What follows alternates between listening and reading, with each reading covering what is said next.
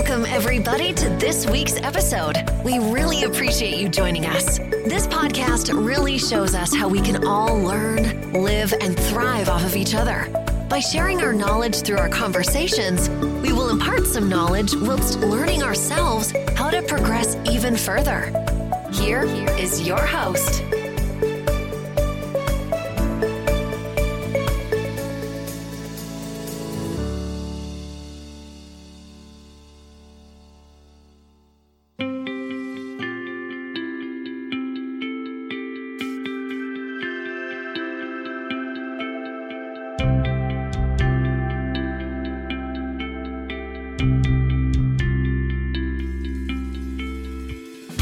Halo semuanya, salam kenal dan sapa dari kami Bu Kita dengan host Andri dan Bibi untuk semua pecinta buku di mana pun Anda berada.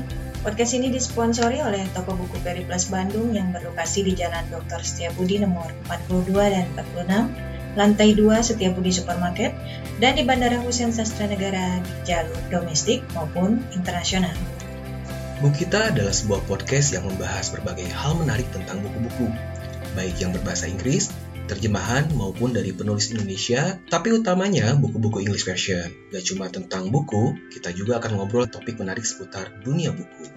Melalui podcast ini, teman bu kita nggak hanya dapetin informasi buku, tapi juga fakta, tips, trik, riset, dan data seputar topik yang ada di dalam buku yang sedang dibahas. Biar insight bukunya bisa kita dapetin banget dan dijadiin wawasan, juga refleksi kehidupan kita. Sekali waktu, kita juga punya program solo review, guest star, dan ngobrol santai event buku. Terutama event yang ada di Bandung. Untuk kerjasama, kolaborasi, tanya-tanya, dan silaturahmi, langsung aja email bu kita di bukita.podcast@gmail.com. Kalau kalian suka konten podcast ini dan merasa podcast ini bermanfaat, tolong share juga di IG story kalian atau media sosial kalian lainnya Jangan lupa juga untuk follow akun Instagram Bu Kita di @bukita.podcast.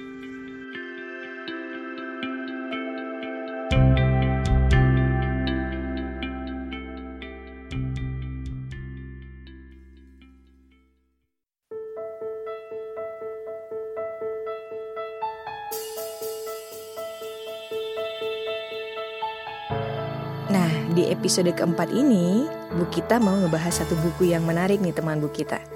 Buku ini jadi New York Times best-selling love story dan diadaptasi juga ke Netflix film. Buku apa itu? Nggak salah lagi nih, ini dia buku All the Bright Places karya Jennifer Niven. Sebelum masuk ke ngobrol santai seputar buku, saya perkenalkan uh, diri saya dulu ya. Nama saya Dipi, Instagram saya ada beberapa. ada di PDF Official, di PDF Talk, dan di PDF Snackbook. Saya pecinta buku dari kecil teman bu kita. Profesi saya ada di bidang edukasi. Saya seorang edukator. Saat ini saya menjadi pengulas buku-buku Periplus Bandung an official book reviewer.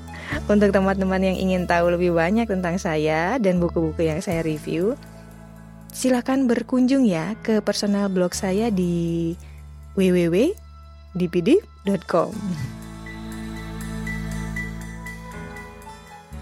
Oh iya, episode kali ini kita nggak menghadirkan Kak Andri ya sebagai host. Kebetulan situasi pandemi agak menyulitkan kami untuk tapping bareng. Tapi jangan khawatir, buat teman buku kita yang kangen dengan gaya ngocolnya Kak Andri saat mereview buku, bisa tetap mendengarkan episode solo beliau di channel buku kita ini.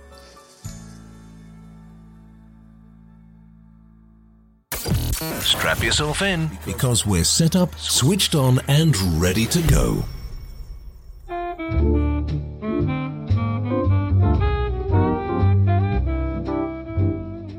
Ngobrolin soal buku All the Bright Places, itu berarti uh, kita bakal membahas dunia remaja ya teman buku kita.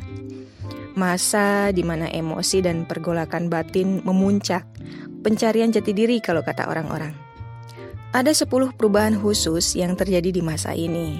Mungkin teman bu kita juga mengalami atau memang bukan mungkin lagi ya, pasti mengalami. Apa itu perubahan khususnya? Perubahan fisik, teman bu kita. Ada lonjakan pertumbuhan, perubahan struktur kerangka, perkembangan otot-otak, serta perkembangan seksual dan hormonal. Lalu ada perubahan sosialisasi. Teman bu kita pasti ingat ya, atau tahu ya, remaja tuh mulai bersosialisasi lebih banyak dengan teman, teman sebaya, dan memisahkan diri dari keluarga mereka. Bukan berarti nggak cinta ya, bukan berarti nggak nggak pengen, hanya memang secara sosialisasi mereka berubah ke arah sana. Lalu perkembangan kognitif pemikiran yang lebih tinggi, penalaran, pemikiran abstrak, keterampilan bahasa yang lebih maju, dan berverbalisasi, pengembangan tujuan, keadilan dan kesadaran sosial, dan pengembangan e, keputusan pilihan moral dan etika ya, yang akan memandu perilaku mereka. Lalu ada perubahan karakteristik pribadi dan emosional juga. Di sini nih emosi mulai tinggi, sifat mementingkan diri itu muncul gitu ya dan remaja ini percaya kalau pikiran dan perasaan mereka unik. Mereka ragu bahwa orang lain mungkin dapat memahami apa yang mereka alami. Lalu ada perubahan independen ya, agak agak agak memberontak gimana gitu ya. Mudi, perubahan suasana hati yang sering dan uh, lekas marah gitu ya. Lalu ada perubahan identitas diri, eksplorasi dan menegaskan identitas pribadi. Mereka memiliki perasaan diri yang tidak stabil dan mencoba label pribadi baru bergaul dengan berbagai kelompok teman sebaya, mendefinisikan identitas seksual dan gender mereka. Ada perubahan hubungan teman sebaya, persepsi teman sangat penting bagi mereka. Ada perubahan kemandirian, uh, rada-rada nggak ingin diatur gitu ya. Dan yang terakhir, perubahan sikap egois. Sulit untuk melihat keadaan dari sudut pandang orang lain. Ini sebagian disebabkan karena struktur otak mereka, si remaja ini masih berkembang.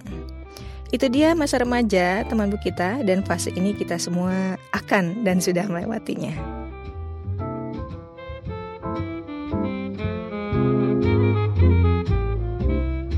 Nah, sekarang saya bacakan dulu info buku yang mau kita obrolin di episode ini.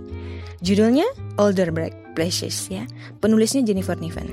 Genrenya ini teen romance dan topiknya mental illness. Diterbitkan oleh Amber Publishing Februari 2020. Jadi masih tahun ini ya, Bu kita. Jumlah halamannya lumayan, 416 halaman. Edisinya yang saya baca ini edisi bahasa Inggris paperback. All the Bright Places mendapatkan predikat New York Times Bestselling Love Story, diadaptasi juga ke Netflix film. Penulisnya Jennifer Niven adalah penulis Amerika terlaris New York Times dan internasional malah yang terkenal karena buku Young Adult ya. Buku All the Bright Places ini yang bikin dia terkenal. Niven dibesarkan di Indiana. Selain nulis novel, Niven juga bekerja sebagai penulis skenario, jurnalis dan produser asosiasi di televisi ABC. Jadi nggak heran ya, memang nulisnya itu udah jago gitu. Dua buku pertamanya dari Jennifer Niven ini narasi non fiksi uh, ada di Ice Master diterbitkan tahun 2000 dan ada Blackjack, A True Story of Survival in the Arctic diterbitkan tahun 2003. Nah, tahun 2010 dia menerbitkan memoir tahun-tahunnya di sekolah menengah, judulnya The Aquanet Diaries, Big Hair, Big Dreams, Small Town. Niven juga menulis serangkaian novel sejarah tahun 2009, teman bu kita. Yang pertama itu Val Fagin Learns to Drive, didasarkan pada sebuah film pendek yang nama uh, yang namanya sama dengan yang dia buat ya. Dia memenangkan penghargaan Emmy dan penghargaan Colin Higgins untuk penulisan naskah. Luar biasa ya. Uh, kemudian novel yang ada pertama Nivan ini judulnya yang kita bahas kali ini ya All the Bright Places dirilis tahun 2015 tapi di publish republish ya dengan sampul Netflix ini di tahun 2020 Narasinya mengikuti dua remaja, Violet dan Finch, yang berjuang dengan masalah kesehatan mental mereka. Film ini memenangkan penghargaan pilihan Goodreads 2015 untuk fiksi yang adult.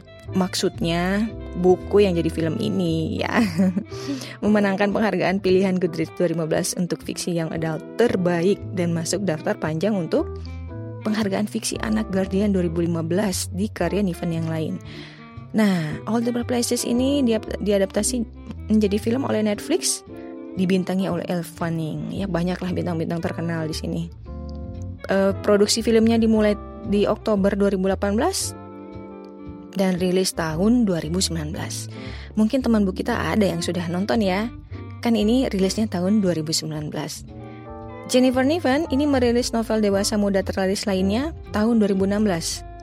Ini juga populer sih, judulnya Holding Up the Universe. Mungkin ada yang sudah baca juga. Dan katanya tahun ini nih akan rilis lagi novel Young Adult. Jadi kita tunggu saja, entah kapan nih, lagi nunggu-nunggu saya juga. Buku ini bisa sobat buku kita dapatkan di toko buku Periplus Budi ya. Bisa dengan mengontak Instagram mereka di @periplus underscore Setiabudi. Harganya 160 ribu untuk edisi paperback dan harga ini sewaktu-waktu bisa berubah. Dan sekarang ini sedang ada diskon. Bulan apa ini? Agustus ya. Tapi harus cepetan, hari ini terakhir. Telat dong ya. Hari ini waktu taping ini tanggal 31 31 Agustus Tapi is okay Bisa cek-cek di online-nya Peri Plus ya Di sana suka ada diskon-diskon juga Apalagi kalau teman bu kita jadi membernya You are now tuned in to this week's episode of our podcast.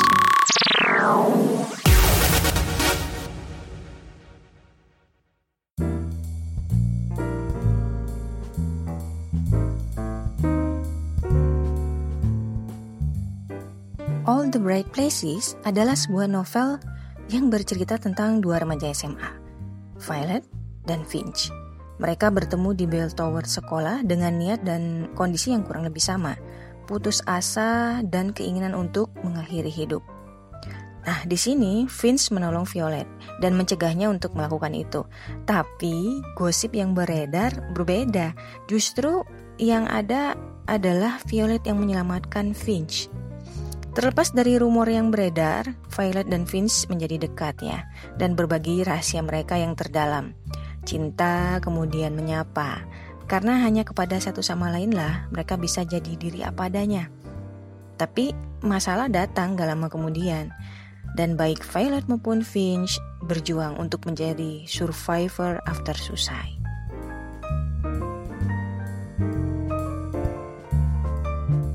Teman bu kita, sekarang kita bahas unsur-unsur cerita dalam novel All the Bright Places. Kita bahas dari tokoh ya. Jadi di novel ini ada tokoh Violet Market, Theodore Finch, ya, Amanda Mong. Ini cukup banyak juga yang uh, menjadi apa tokoh-tokoh yang punya porsi cerita. Kalau Violet Market ini seorang gadis, dia berduka ya, begitu dalam dan merasa bersalah karena kakak perempuannya meninggal dan meninggal dalam kecelakaan yang dia ada di mobil yang sama ini kecelakaan mobil ya karena dia saking berdukanya hampir saja dia mau bunuh diri ya. Kemudian tokoh utama lainnya Theodore Finch ini uh, adalah apa ya se seorang tokoh remaja laki-laki yang punya latar belakang keluarga yang gak bahagia teman kita. Dan ini membuat hidupnya gak mudah. Ada disfungsi peran orang tua juga yang jadi pemicunya. Mungkin nih, saya ada dugaan nih, ada faktor genetik juga yang bikin Vince ini jadi uh, menderita apa namanya mental dan emosional illness ya gitu. Nah Vince di, di dalam cerita dia menderita bipolar disorder. Dia berjuang untuk keluar dari mental dan emosional illnessnya ini, tapi kadang hidup terasa begitu berat dan kelam bagi Vince ya. Lalu ada Amanda Mong, temannya Violet, gadis populer di sekolah yang ternyata punya rahasia. Ini uh, saya pronunciationnya Indonesia aja ya, Violet Violet gitu ya. uh, Oke okay, ada Sus temannya Violet. Ini pernah jadi pacarnya Ryan Cross. Ryan Cross sendiri adalah mantan pacar Violet ya. Tapi dia sebenarnya sukanya cintanya sama Violet pengen mereka balik lagi tapi Violetnya datar gitu ya flat padahal Ryan Cross ini cowok terganteng di sekolah gitulah ya, terpopuler kemudian ada Romer si brengsek di sekolah dia merasa paling hebat dan perisa memang sih dia masuk tim apa ya tim olahraga terkenal gitu deh di sekolahnya yang paling populer tapi karakternya nggak banget Lalu Kate, ini kakak perempuan Vince yang lebih memperhatikan Vince daripada ibu mereka. Hmm, tapi punya ini ya karakter sering gonta-ganti pacar. Nah lo. Lalu Deka, adik perempuan Vince yang acuh tak acuh, tapi punya beban emosi sendiri. Kebayang lah ya, Deka ini masih kecil, tapi uh, support system keluarga nggak ada gitu. Lalu Rosemary, istri bayu istri baru istri baru ayah Vince yang berusaha bersikap baik kepada Vince dan saudara-saudaranya. Manut banget gitu ya. Kalau di novel tuh nggak ada konflik sih. Lalu Brenda, teman dekat Vince, yang melihat Vince sebagai pribadi yang positif, di luar image orang luar yang menegatifkan Vince sepenuhnya. Uh, Vince sendiri, kalau menurut saya adalah the real gentleman ya. Dia tokoh yang mengundang empati, memunculkan naluri, dan jelas bisa membuat seorang wanita merasa sangat dicintai. Ah, Violet sendiri lovable dan baik hati. Hanya uh, dua tokoh ini punya mental dan emotional illness ya. Jadi punya sisi-sisi kelamahan gitulah. Yang mana sebenarnya kalau kalau dihilangkan malah e, isunya jadi nggak muncul. Jadi memang harus ada aja si mental illness dan emotional illnessnya. Kelemahannya mereka itu karena memang itu jadi topiknya ya. Dua tokoh utama ini dinamis e, dan tiga dimensi sehingga terasa hidup dan manusiawi.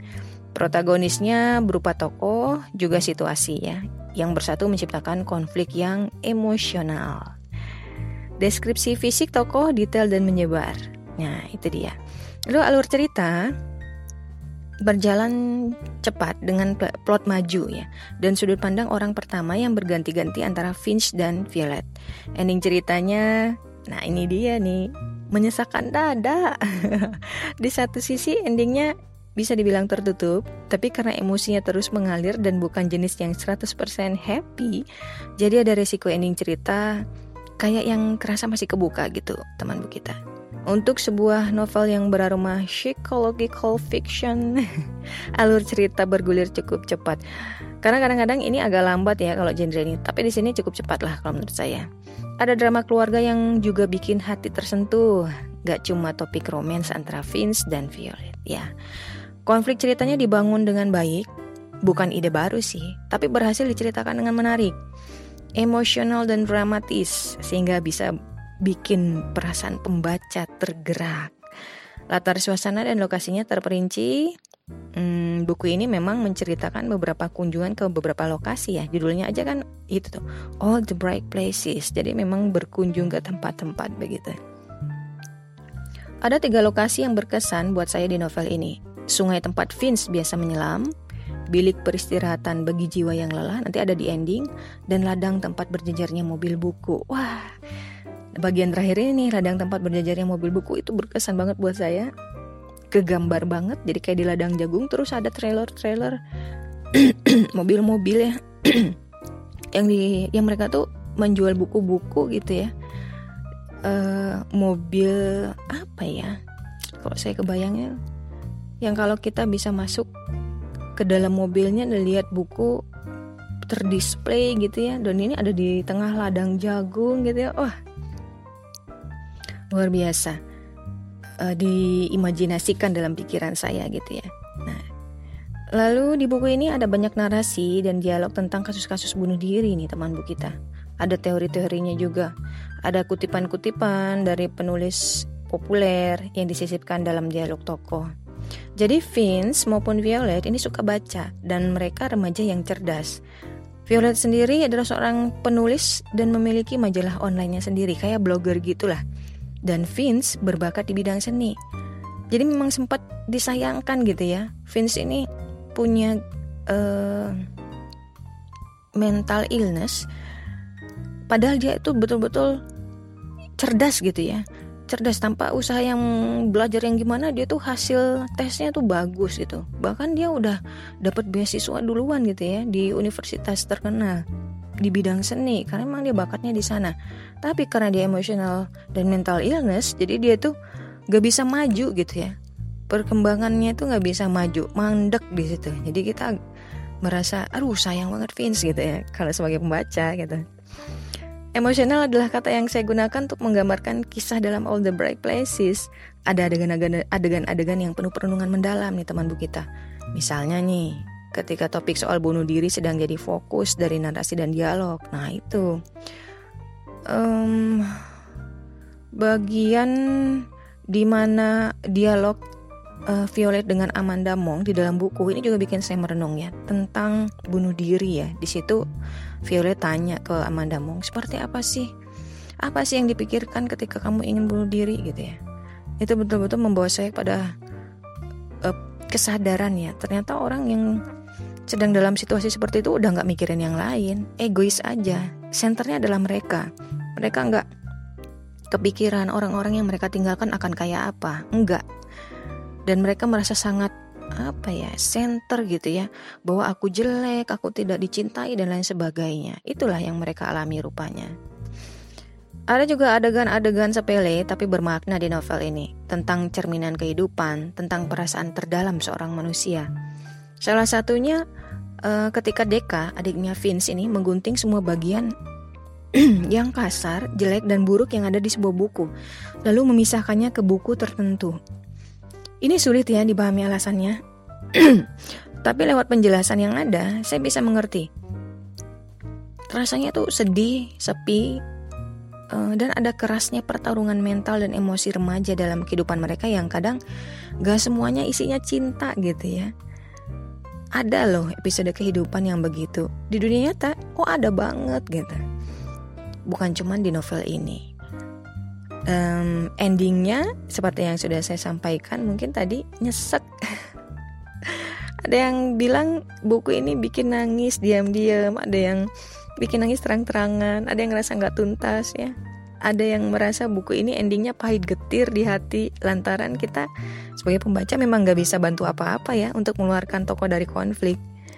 Tapi ending novel yang seperti ini menurut saya nih ya pribadi tetap asik karena alurnya memang saya rasa memang harus demikian. Kalau nggak novel ini ya nggak akan masuk kategori buku yang luar biasa lah ya, bukan buku yang berkesan buat pembaca gak mancing reaksi emosi kita, dan yang paling utama gagal menyampaikan pesan utama ceritanya. Jadi memang endingnya harus gitu kalau menurut saya.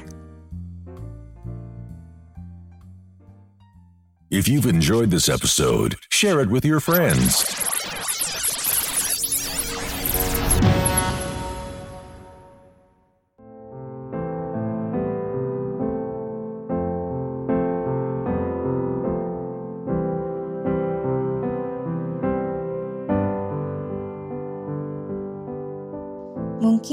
Teman bu kita sama ya, seperti saya, yang ketika mendengar kata mental illness ini lantas jadi penasaran, ingin tahu lebih banyak apa sih mental illness itu atau penyakit mental itu. Nah, berikut saya coba sarikan beberapa wawasan seputar topik ini yang saya ramu dari beberapa sumber, antara lain Wikipedia, situs resmi WHO, psikiatri.org, kompas.com, dictionary.com, USA Today, Framing Households, Our World in Data.org, Health Europe, FKUGM ACID, dan Encourage Daily News. Kita mulai ya. Apa itu gangguan mental? Gangguan mental itu, teman bu kita, ini disebut juga penyakit mental atau gangguan kejiwaan. Jadi, sebuah pola perilaku atau mental yang menyebabkan tekanan yang jelas, signifikan, atau gangguan fungsi pribadi. Nah, penyakit mental ini sering dikaitkan dengan kesusahan atau masalah ya dalam sosial, pekerjaan, atau keluarga. Ciri-cirinya mungkin akan tetap dan terus-menerus, bisa juga berulang dan hilang atau terjadi sebagai satu episode.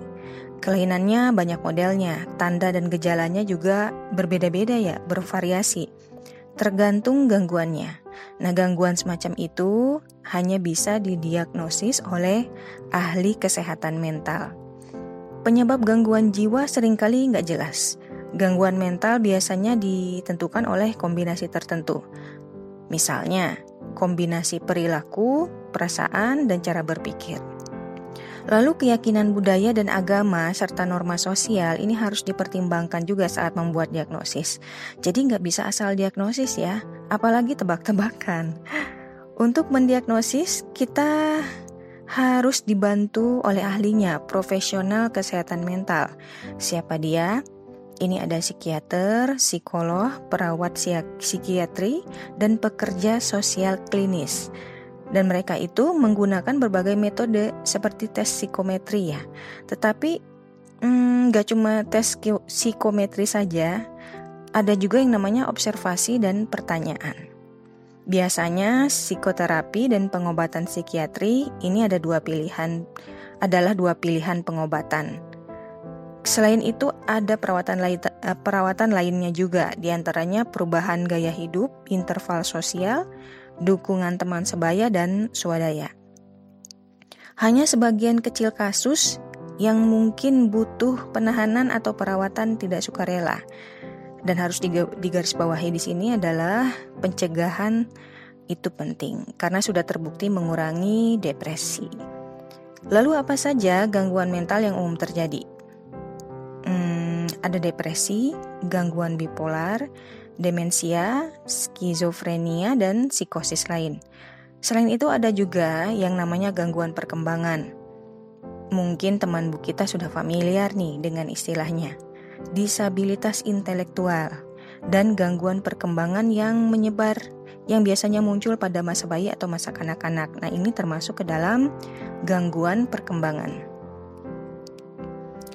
Hati-hati karena stigma dan diskriminasi bisa jadi menambah penderitaan loh yang berkaitan dengan gangguan mental. Jadi perilaku sosial memang berpengaruh erat pada si penderita, bisa bikin makin down dan fatal. Ini ya yang tidak kita kehendaki. Dari sini kita jadi bertanya-tanya juga, kenapa sih kesehatan mental itu penting? Tentu saja penting teman kita karena kesehatan mental adalah dasar dari emosi, pemikiran, komunikasi, pembelajaran, ketahanan, dan harga diri kita. Kesehatan mental juga merupakan kunci untuk relationship ya, hubungan, kesejahteraan pribadi, kesejahteraan pribadi dan emosional ya, dan berkontribusi pada komunitas atau masyarakat. Jadi ingat, kesehatan mental adalah kunci. Banyak orang yang memiliki penyakit mental ini nggak mau membicarakannya. Malu, enggan, segala macam ya, khawatir, takut. Padahal penyakit mental bukan hal yang memalukan. Penyakit mental itu kondisi medis, seperti penyakit jantung dan diabetes, nggak jauh beda ya. Dan kondisi mental ini bisa diobati. Tapi yang bisa mikir kayak gini kan kita yang sehat, sedangkan mereka yang mental illness mikirnya nggak demikian. Jadi tugas kita adalah menjadi kawan yang baik buat mereka, jadi support system, dan bisa mengarahkan mereka ke tenaga ahli yang bisa membantu memulihkan kesehatan mental mereka. Kak, Kak Dipi, saya orangnya easy going, ceria, bahagia. Ah, nggak akan kena namanya depresi dong, apalagi mental illness. Eh, benar nggak ya? Pada kenyataannya, teman bu kita, penyakit mental bisa mempengaruhi siapa saja tanpa memandang usia tanpa memandang jenis kelamin, geografi, pendapatan, status sosial, ras, etnis, agama, spiritualitas, orientasi seksual, latar belakang atau aspek budaya eh latar belakang atau aspek identitas budaya lainnya banyak banget ya. Dan ini nggak ada pengaruhnya. Meskipun penyakit mental dapat terjadi pada semua usia, 3 per 4 dari semua penyakit mental dimulai pada usia 24 tahun. Yuk, ingat umur teman bu kita berapa nih? Saya sendiri 17 sih, ditambah 23 tapinya. Tapi kita jangan terlalu khawatir juga ya. Gak setiap penyakit mental selalu parah dan harus dirawat sampai ke rumah sakit jiwa atau konsul ke psikiatris rutin. Penyakit mental ini memiliki banyak bentuk teman bu kita. Beberapa ringan saja dan hanya mengganggu kehidupan sehari-hari secara terbatas, seperti fobia tertentu ya, atau disebut juga ketakutan abnormal. Kondisi kesehatan mental lainnya yang begitu parah sehingga seorang mungkin memerlukan perawatan di rumah sakit itu lebih jarang. Beberapa jenis yang umum yang termasuk penyakit mental itu ada disebut dengan gangguan depresi mayor. Gejalanya kayak apa? Gini. Suasana hati jelek banget. Rasanya tertekan, gak ada minat untuk aktivitas apa pun. Hidup jadi gak ada kualitas, Hati-hati, itu gangguan depresi mayor. Lalu ada gangguan kecemasan. Dikit-dikit khawatir. bukan cuma khawatir tapi juga takut. Akhirnya aktivitas sehari-hari jadi terganggu. Lalu ada bipolar disorder. Kalau suasana hati berfluktuasi ekstrim, mood swing banget dari posisi terendah depresif lalu tertekan ke titik tertinggi, manik. Nah, itu dia bipolar disorder. Pikun juga salah satu penyakit mental teman bu kita. Begitupun skizofrenia. Ada bisik-bisik gitu, ada suara-suara gitu ya. Selain ini ada gangguan obsesif kompulsif, autisme, stres, pasca trauma. Ini juga masuk ke penyakit mental. Nah, eh, tadi itu termasuk ke emotional illness juga sih ya. Beberapa di antaranya. Cirinya adalah ketika yang bersangkutan mengalami ketakutan yang tidak rasional dan gak terkendali. Ada cemas terus-menerus dan pergolakan batin yang ekstrim. Jadi mental illness ini beririsan dengan emotional illness. Sekarang kita bahas lebih rinci sedikit teman buku kita tentang bipolar disorder. Kenapa? Karena di buku ini ada ada tokoh yang dia ini bipolar disorder. Apa itu bipolar disorder? Ini saya kasih ya satu definisi dari WHO. Gangguan bipolar disorder ditandai dengan kejadian berulang atau setidaknya dua kali, di mana suasana hati dan tingkat aktivitas pasien secara signifikan terganggu. Gangguan ini terdiri dari beberapa kejadian peningkatan suasana hati dan peningkatan energi dan aktivitas, mania atau hipomania ada penurunan mood, penurunan energi, aktivitas depresi. Secara karakteristik, pemulihan biasanya selesai di antara episode. Jadi kayak kambuh-kambuhan lah, kurang lebih gitu ya. Uh, bersemangat sekali gitu ya. Terus turun, drop banget, down banget, terus naik. Dan kejadian pada kedua jenis kelamin, baik pria maupun wanita, laki-laki maupun perempuan hampir sama dibandingkan dengan gangguan mood lainnya. Karena pasien yang hanya menderita episode mania berulang relatif, relatif jarang. Hmm, ini disebut atau diklasifikasikan sebagai bipolar ya. Prevalensi gangguan bipolar di seluruh dunia bervariasi dari 0,3 hingga 1,2 persen di tiap negara. Secara global, Surveinya WHO ya, diperkirakan 46 juta orang di dunia mengalami gangguan bipolar. Ini tahun 2017. Dengan 52 dan 48 persen adalah perempuan dan laki-laki. Berarti perempuan lebih banyak menderita gangguan bipolar.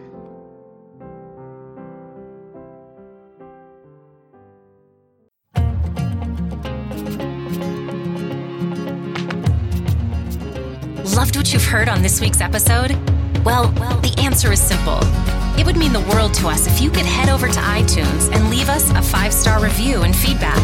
Spreading the word really is the best way to grow our podcast and achieve even greater things.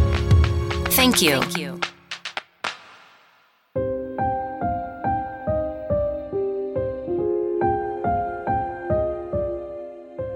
Sekarang kita coba bahas bagaimana sih situasi kesehatan mental ini di masa pandemi. Ternyata di masa pandemi ini makin banyak orang-orang yang menderita kesehatan mental, teman bu kita. Akses perawatan kesehatan mental yang berkualitas dan terjangkau di seluruh dunia yang sebelum pandemi ini bisa diakses ya ini menurun karena COVID pandemi ini mengganggu pelayanan kesehatan di seluruh dunia. Penyebab utamanya adalah infeksi dan resiko infeksi di fasilitas kesehatan, sebut saja di panti jompo dan institusi psikiatri.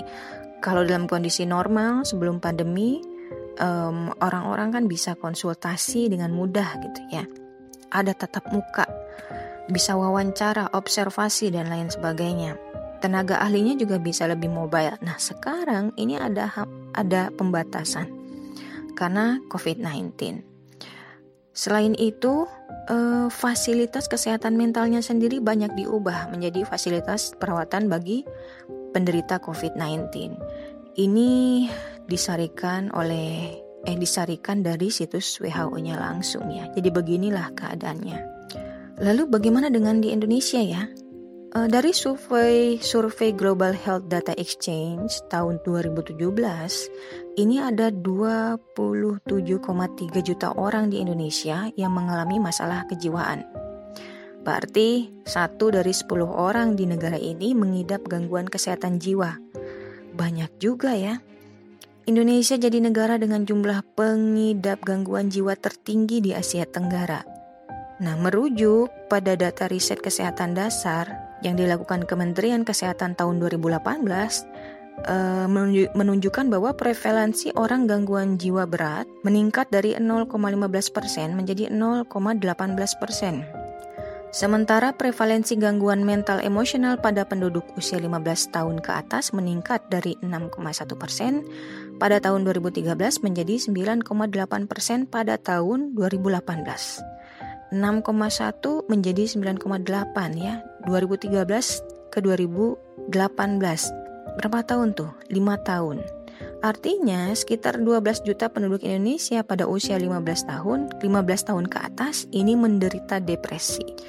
Angka yang cukup mencengangkan dan harus kita perhatikan ya, concern. Ada lagi hasil survei, uh, survei yang bertujuan untuk mengetahui angka dan penyebab kematian secara nasional ya, sistem registrasi sampel. Ini diperoleh data bahwa pada tahun 2016 telah terjadi 1.800 kematian akibat bunuh diri. Hal ini berarti bahwa setiap harinya hampir terjadi lima kematian akibat bunuh diri. Secara global, WHO telah menyebutkan bahwa lebih dari 800 ribu orang meninggal setiap tahunnya, atau sekitar satu orang setiap 40 detik melakukan bunuh diri. Ini global ya, di dunia.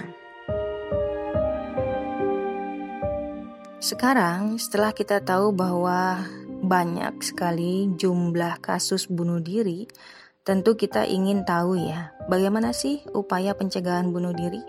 Kita coba bahas ya topik ini.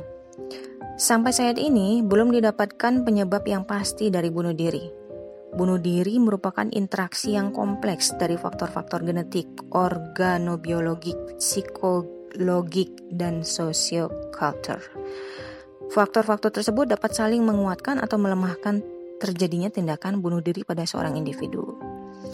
Tapi bunuh diri sebenarnya bisa dicegah dari semua anggota masyarakat dapat melakukan tindakan yang menyelamatkan kehidupan dan mencegah bunuh diri. Jadi harus ada kerjasama ya yang erat antara individu, keluarga, masyarakat, profesi, dan pemerintah. Buat yang individu yang mengalami gangguan mentalnya, jangan malu, jangan takut, jangan khawatir. Konsultasi berobat bisa kok ini di di apa namanya disembuhkan gitu ya. Dan yang lain-lain eksternal yang di luar dari individu yuk menjadi support system yang baik ya pencegahan terhadap usaha bunuh diri pada remaja perlu dilakukan mengingat remaja merupakan kelompok usia berisiko tinggi melakukan bunuh diri Ide bunuh diri, ancaman, dan percobaan bunuh diri memerlukan prioritas tinggi dan merupakan hal serius apa pun tujuannya. Nah, ini ada salah satu langkah preventif awal yang bisa dilakukan. Apa itu? Menggali tentang adanya ide bunuh diri pada remaja.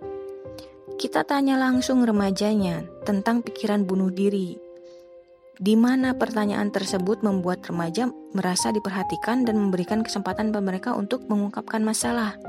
Jangan sampai masalah si remaja dibiarkan dipendam.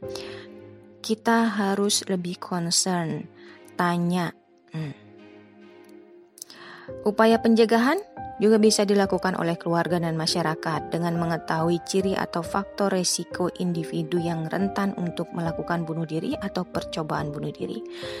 Kalau gitu, bunuh diri ada tanda-tandanya ya. Ini dia tanda-tanda individu yang rentan untuk melakukan bunuh diri. Satu, Membicarakan tentang bunuh diri, menyakiti diri sendiri dan kematian. Dua, Mulai mencari akses, memiliki senjata api misalnya. Tiga, Menarik diri dari teman, keluarga, dan sahabat 4. Perubahan suasana hati yang parah 5. Merasa putus asa atau terjebak di suatu masalah Kemudian 6, konsumsi minuman keras meningkat. 7, tidur jauh lebih lama dari biasanya atau malah memiliki masalah tidur, insomnia akut, ya. 8. Mudah marah yang tidak terkendali. 9. Ini makin memuncak ya. 9. Mulai memberikan barang-barang pribadi untuk orang lain.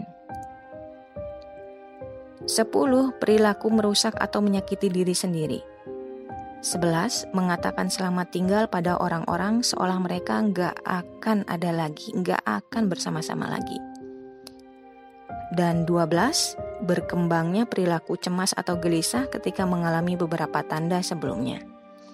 Jika teman bu kita melihat perubahan drastis perilaku seseorang, termasuk ada beberapa tanda di atas, jangan ragu untuk menanyakan kondisinya.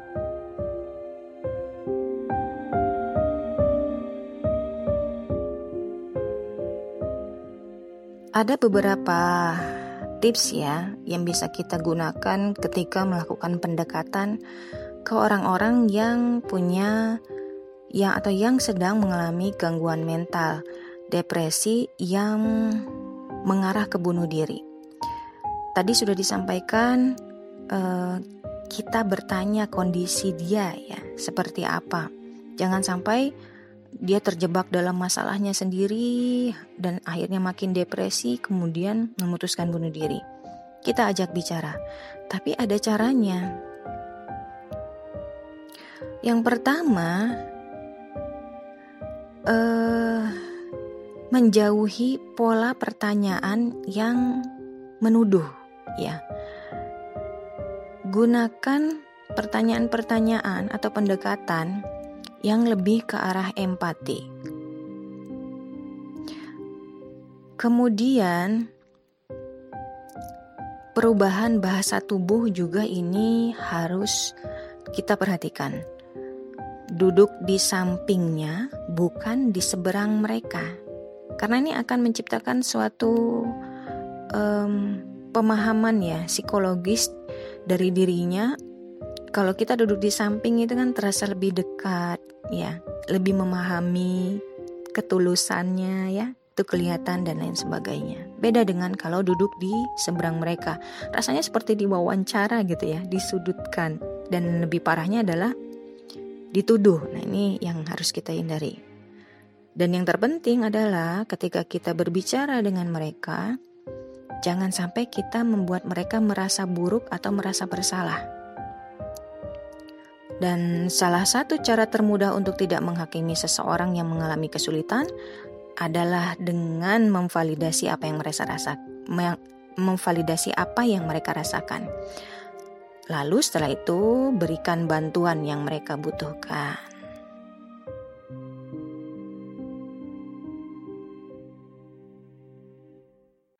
Relax and enjoy.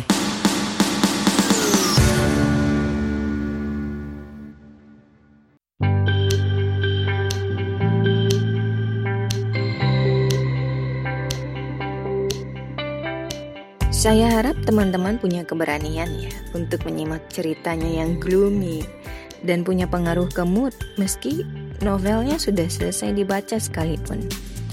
Hati saya sendiri terasa berat dengan beban cerita, padahal novelnya sudah selesai dibaca beberapa hari yang lalu. Tapi nggak heran juga sih, karena novel ini punya kesan yang istimewa. Kisah romance Violet dan Vince sendiri menurut saya manis dan menyentuh. Adegan-adegannya tuh natural gitu, alami dan proses jatuh cintanya begitu pelan dan seksama sehingga bikin saya ikut jatuh cinta pula bersama para tokohnya. Novel ini saya rekomendasikan buat pembaca dewasa dan dewasa muda ya. Yang mencari genre romance and psychological fiction yang ceritanya membawa pesan khusus tentang mental dan emotional illness. Alurnya rapi, Narasi dan dialognya mengalir, romansnya manis, konfliknya tepat, dan endingnya tertutup meski nggak 100% bahagia. Ujung cerita ada positif dan negatifnya ya, yang diekstrak sendiri oleh pembaca. Novel ini gloomy, berat di hati, dan kemungkinan berefek sama bahkan ketika bukunya sudah beres dibaca. Hmm, hati-hati buat yang gak kuat. Tapi pesan ceritanya dalam ya. Buat yang suka The Fault in Our Stars and Five Feet Apart, novel ini bisa jadi bacaan teman bu kita. Um, rekomendasi berikutnya ya, dia agak mirip-mirip lah. Konten warningnya untuk novel ini ada suicide, suicide, bunuh diri ya, mental illness ya, trauma, emotional illness, bullying ya, perisakan tuh dan satu lagi catatan saya konten warningnya ada premarital sex ya. All the Dark Places adalah novel romance yang spesial karena ada isu mental dan emotional illness yang diangkat uh, di dalam topik salah satu topik cerita ya, yakni seputar bunuh diri di kalangan para remaja, trauma tertentu dan ada kasus bipolar disorder ya. Jennifer Niven sendiri memang menulis kisah ini untuk membangkitkan kesadaran publik terhadap kasus-kasus serupa. Banyak loh ini terjadi di remaja, bukan cuma di Eropa sana Amerika, di dunia, bahkan di Indonesia. Apa yang disampaikan Jennifer Niven memang benar adanya soal uh, apa namanya kalau seorang yang sedang menderita mental dan emotional illness itu sering kali malu ya. Malu dan gak mau konsultasi gitu ya. Bahkan ada yang gak menyadari juga mungkin ya. Ini terjadi ya di dalam lingkungan pertemanan saya ya. Di mana beberapa kawan mengalami keengganan untuk minta bantuan ahlinya. Untuk menolong mereka keluar dari mental dan emotional illness. Dari buku ini saya belajar banyak juga ya saya berkaca pada kehidupan mereka yang putus asa dan kesepian. Juga mereka yang berusaha melanjutkan kehidupan setelah orang yang dicintainya tiada itu nggak mudah ya, sama sekali nggak mudah. Dan betapa pentingnya kita untuk lebih menyadari situasi ini, siaga. Ada kemungkinan orang-orang yang kita kenal, terutama yang dekat dengan kita, ini sedang mengalami uh, depresi, mental illness, emotional illness. Ini harus kita bantu sebisa mungkin teman bu kita. Kita arahkan ke pertolongan ahlinya. Peran guru menurut saya juga penting agar jangan hanya terbatas pada urusan mengajarkan ilmu, tapi juga membimbing dan menjadi support system yang dibutuhkan anak didiknya dalam hal ini remaja. Selama masa remaja, hubungan dengan tempat sebaya itu mulai lebih diutamakan kan daripada hubungan dengan keluarga. Meskipun interaksi keluarga masih penting untuk perkembangan remaja, tapi si remaja sering kali menekankan pada persepsi dan nilai-nilai teman-teman mereka. Demikian juga selama selama masa remaja, remaja mungkin sangat dipengaruhi oleh kepercayaan diri, kepercayaan dan perilaku teman sebaya mereka. Dipasangkan dengan pengalaman hidup remaja yang terbatas dan keterampilan pengambilan keputusan yang kurang berkembang, remaja jadi sering rentan terhadap tekanan teman sebaya yang negatif. Itulah makanya kasus bullying atau perisakan pada remaja bisa berdampak lebih besar dan berujung fatal pada bunuh diri teman bu kita. Maka kita yang berada di lingkungan remaja harus bisa menjadi support system yang baik bagi perkembangan mereka. Guru catatannya juga di situ ya. Selain keluarga ya, guru tidak hanya mengajar tapi juga membimbing menjadi support system ya. Ada beberapa kalimat di novel ini yang berkesan buat saya.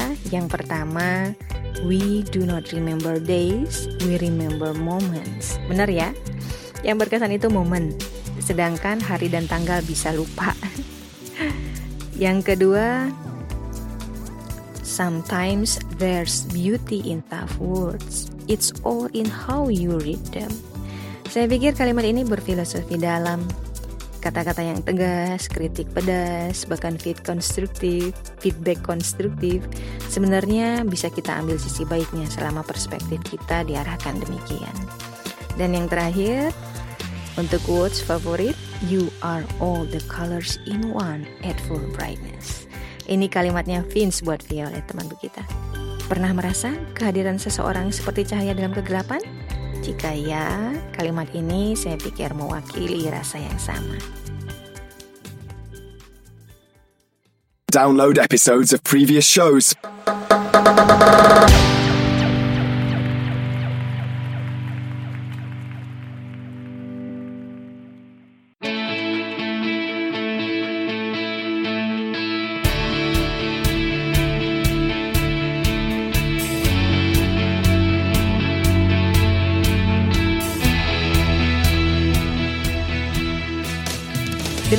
bincang santai kita di Bib kita episode hari ini. Jangan lupa follow akun Bu Kita di Spotify dan Instagram @podcast Bu Kita.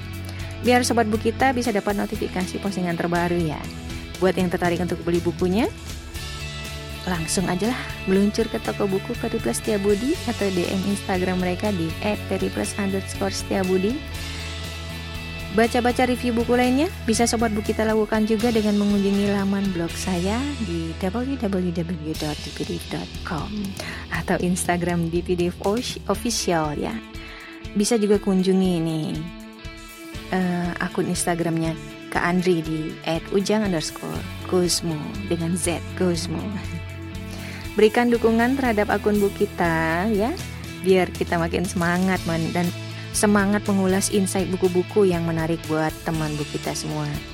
Share dong konten ini di Instagram Story atau media sosial yang kalian miliki. Terima kasih buat teman buku kita yang sudah dengerin dan dukung podcast kita ini. Terima kasih sponsor toko buku Periplus Bandung, Periplus Budi. Sampai bertemu lagi di postingan berikutnya. Buku kita, buku untuk kita.